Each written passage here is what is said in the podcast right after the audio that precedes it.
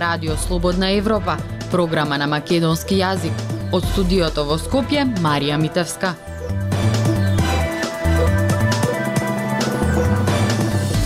Почитувани во вестите ке слушате. Од 50 на фирми за обезбедување, најчесто 3 до 5 фирми ги добиваат поголемите тендери во бизнисот вреден десетици милиони евра. АДИ само од продажба на вишок струја наплатила над 6 милиони евра. Најголем купувач фирмата ЕТМТ Енерджи. Може ли Европската унија да ги ограничи цените на енергенците?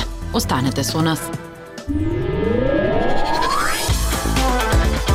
Независни вести и анализи за иднината на Македонија. На Радио Слободна Европа и слободнаевропа.мк. Според податоците од комурата на приватни фирми за обезбедување, на терен работат најмалку 50 фирми кои се грижат за безбедноста на имотот, луѓето и физичкиот транспорт на пари. Но на тендерите за јавни набавки, кои ги доделуваат владата и поголемите институции, најчесто учествуваат исти 3 до 5 фирми. Кои се тие? Повеќе од Зорана Гаджовска-Спасовска.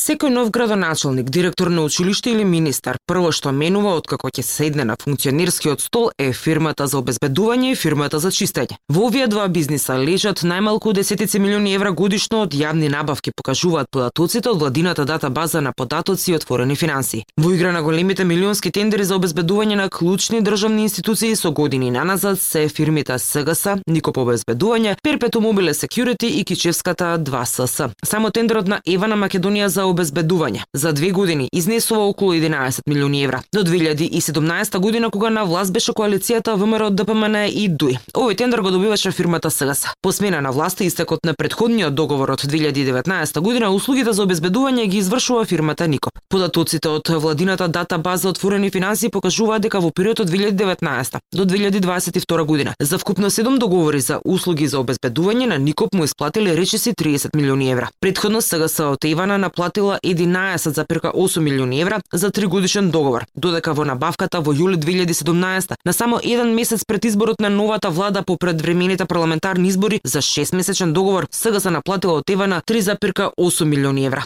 Сега се била единствената од 50 фирми што тогаш се пријавила на меѓународниот оглас. Обезбедувањето на имотот на Евана и владината служба за општи заеднички работи се најголемите милионски тендери кои ги добива Никоп во изминативе 4 години. Останатите се од 200.000 евра па надолу. Вкупниот износ на тендерски договори кои ги добила фирмата во периодот од 2018 до 2022 година изнесува 40 милиони евра. Бирото за јавни набавки покажува дека Никоп во периодот од 2008 до 2015 година наплатил од државата само 352.000 евра за обезбедување на општина Струмица, паркинзи на Скопската општина Центар, како и кошаркарскиот клуб Работнички. Од град Скопје Никоп во изминативе 4 години добил вкупно три тендери и тоа еден во 2018 за 124.000 евра за обезбедување на средните училишта, пошто цената во наредните две години рипнала на 195.000 евра. Во овој период градски татко беше Петре Шилегов. Следната 2021 година овој тендер го добива Security Group Services Скопје, односно на скратено СГС, во вредност од 167.000 евра. Договорот го подпишаа сегашната градоначалничка Данила Арсова и управителот на фирмата Миролјуб Давидов. Не само еден месец по локалните избори, каде што таа го победи својот опонент Шилегов со помошта подршката на опозицијската ВМРО да ДПМН. Сега се во период од 2016 година до денеска од државната каса наплатила 6,5 милиони евра за обезбедување на имот, што е само една третина од парите исплатени од државата за незиниот работен дек. Ако АЕК на СГС и платила по 220.000 евра од договор за обезбедување на Кичевската фирма 2СС, лани платила 306.000 евра за обезбедување на 4 објекти во наредните 24 месеци. Подпис на договорот ставил директорот на Туи, Јето на Кику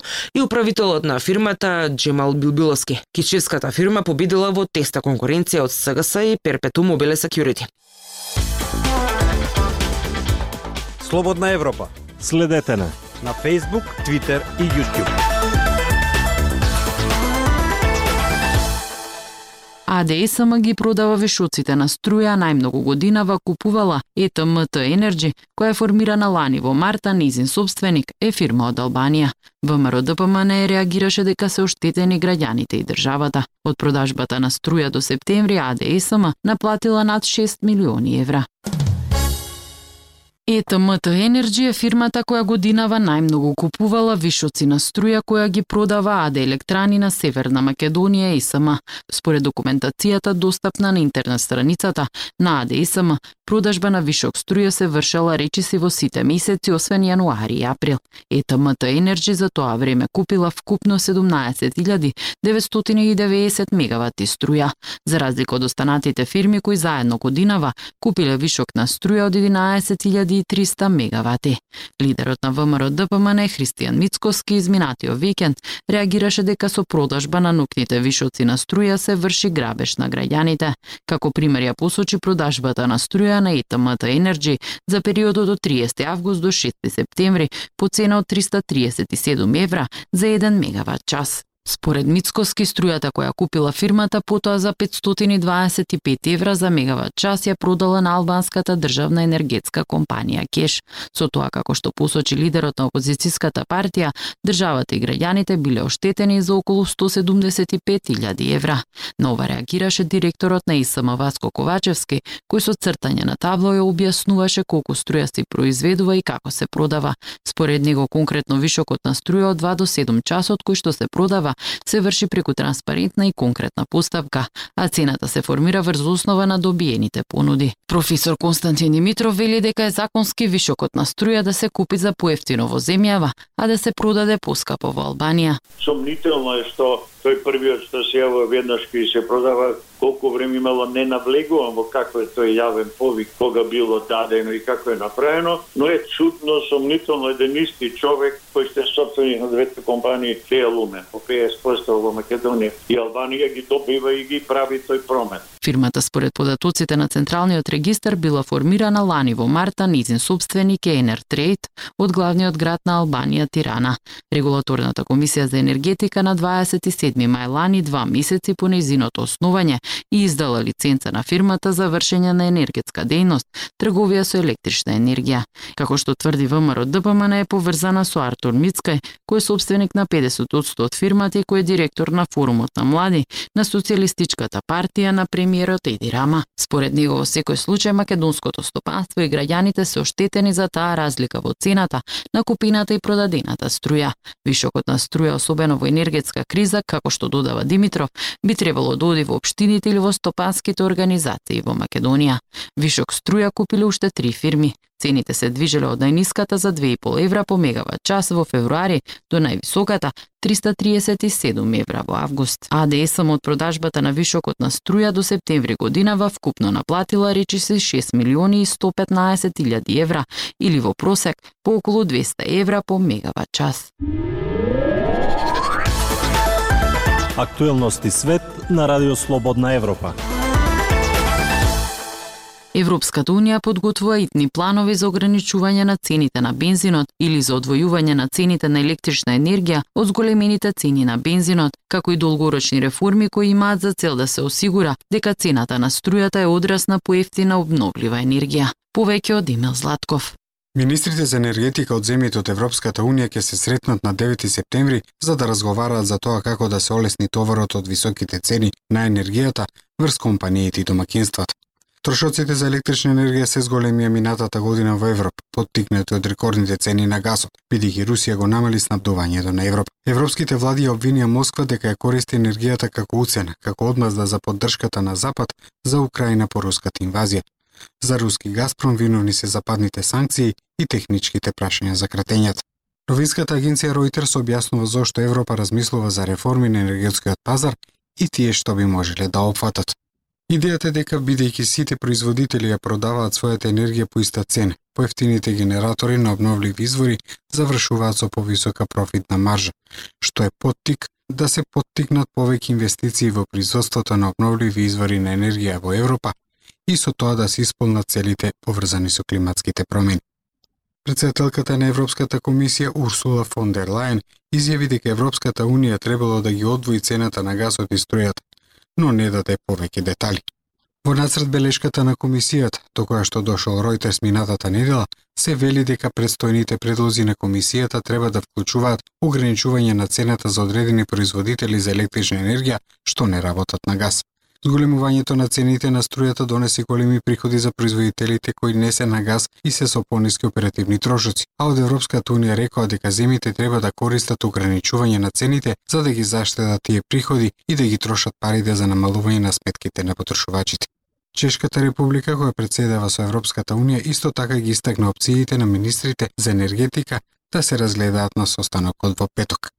Тие вклучуваат ограничување на цената на увезениот газ од одредени земи, ограничување на цената на гасот што се користи за производство на електрична енергија или привремено отстранување на електраните на гас од сегашниот систем за цени на електрична енергија на Унијата. Идејата за ограничување на цените на гасот или струјата долго време има поддршката од Шпанија, Белгија и други. Франција е меѓу земите кои го поддржуваат одојувањето на цените на гасот и електричната енергија. Една од опциите, предложена од италијанскиот премиер Марио Драги, би била земјите од ЕУ да се договорат за ограничување на цената на гасот увезен од Русија. Критичарите велат дека тоа би ризикувало Русија целосно да го прекине снабдувањето со газ за Европа како одмазда. Друга опција може да биде владите да ја ограничат цената на газот и да им исплатат на гасните компании разлика помеѓу ограничената цена и повисоката пазарна цена. Земјите, вклучително и Германија и Холандија, предходно се спротиставија на тоа, бидејќи ефективно ќе го субвенционира производството на фосилни горива со јавни средства, за кои рекоа дека ќе биде подобро да се трошат за да се префрлат на поевтина чиста енергија. Радио Слободна Европа, светот на Македонија. Пресудата дека владата и Државната изборна комисија сториле директна дискриминација врз лицата со попреченост при остварување на нивното право на глас е значаен исчекор за лицата со попреченост, вели Елена Кочовска, која го предводи движењето Полио Плюс. Прилог на Ивана Стојкова. Владата и Државната изборна комисија сториле директна дискриминација врз лицата со поприченост при остварување на нивното право на глас, утврди неодамна основниот граѓански суд во Скопје. Според пресудата државата директната дискриминација ја направила поради тоа што не обезбедила никаква инфраструктура и простор во избирачките места со што не овозможила на лицата со попреченост да го остварат своето право на глас. А со тоа го попречили нивното активно учество во политичкиот живот на државата. Пресудата е значаен исчекор за лицата со попреченост вели Елена Кочовска која го предводи движењето против хендикеп Полио Плюс. Судството според неа има голема улога во уредувањето на граѓанските и политичките права на овие лица. Предавува и примери за како треба да всушност владе или биде поставен системот на владение на правото, каде што и судот, но и извршната и законодавната власт мора да имаат во предвид почитување на врските кои што ги презеле согласно меѓународните договори, во овој случај меѓународната конвенција за правата на лицата со хендикап. И трето, граѓаните и граѓанските организации дека постоечките механизми можат да им бидат одлична алатка за барање за остварување на нивните индивидуални, но и колективни права. Пресудата се уште не стигнала до владата, велат од таму. Владата воопшто не е ниту запознаена со незината содржина. Одговорноста за пристапноста до објектите ја префрлат во Државната изборна комисија за која велат дека надлежноста и обврската исклучително кај неа. Државната изборна комисија пак ќе се жали на пресудата, но објаснување и одговори на прашањата на РСЕ од ДИК до овој момент не пристигнаа. Од Комисијата за заштита од дискриминација дискриминација велат дека тие даваат препораки, а државата треба да превземе посеопфатни активности за да овозможи еднаков пристап на лицата со попреченост. Во изминативе 12 месеци до комисијата има пристигнато десетина пријави за дискриминација, уште 4 се покренати од самата комисија. Игор Јадровски потенцира дека се уште најголем дел од представките се однесуваат на пристапноста, но дискриминација има и во делот на работните односи, здравствената заштита, образованието и социјалната заштита. Ке видите дека тоа тие области се всушност области кои што значат еден цел спектар на уживање на права на лицата со попреченост, односно го опфаќаат во принцип целокупниот нивен дневен живот, како што кажав. Се уште збориме за физичка пристапност и за соодветно приспособување, ако тргнеме дека овој е најосновен проблем за кој што децении на назад нема решение, можеме да заклучиме дека државата има уште многу што да направи. И Кочовска од Сдруженијето против хендикеп порачува дека државата ќе има уште многу работа во делот на подобрување на правата на лицата со попреченост, почнувајќи од самите закони кои вели во старт ги дискриминираат лицата со попреченост. Тоа беше се во вестите на Радио Слободна Европа. Од студиото во Скопје со вас беа Марија Митевска и Дејан Балаловски. До слушање.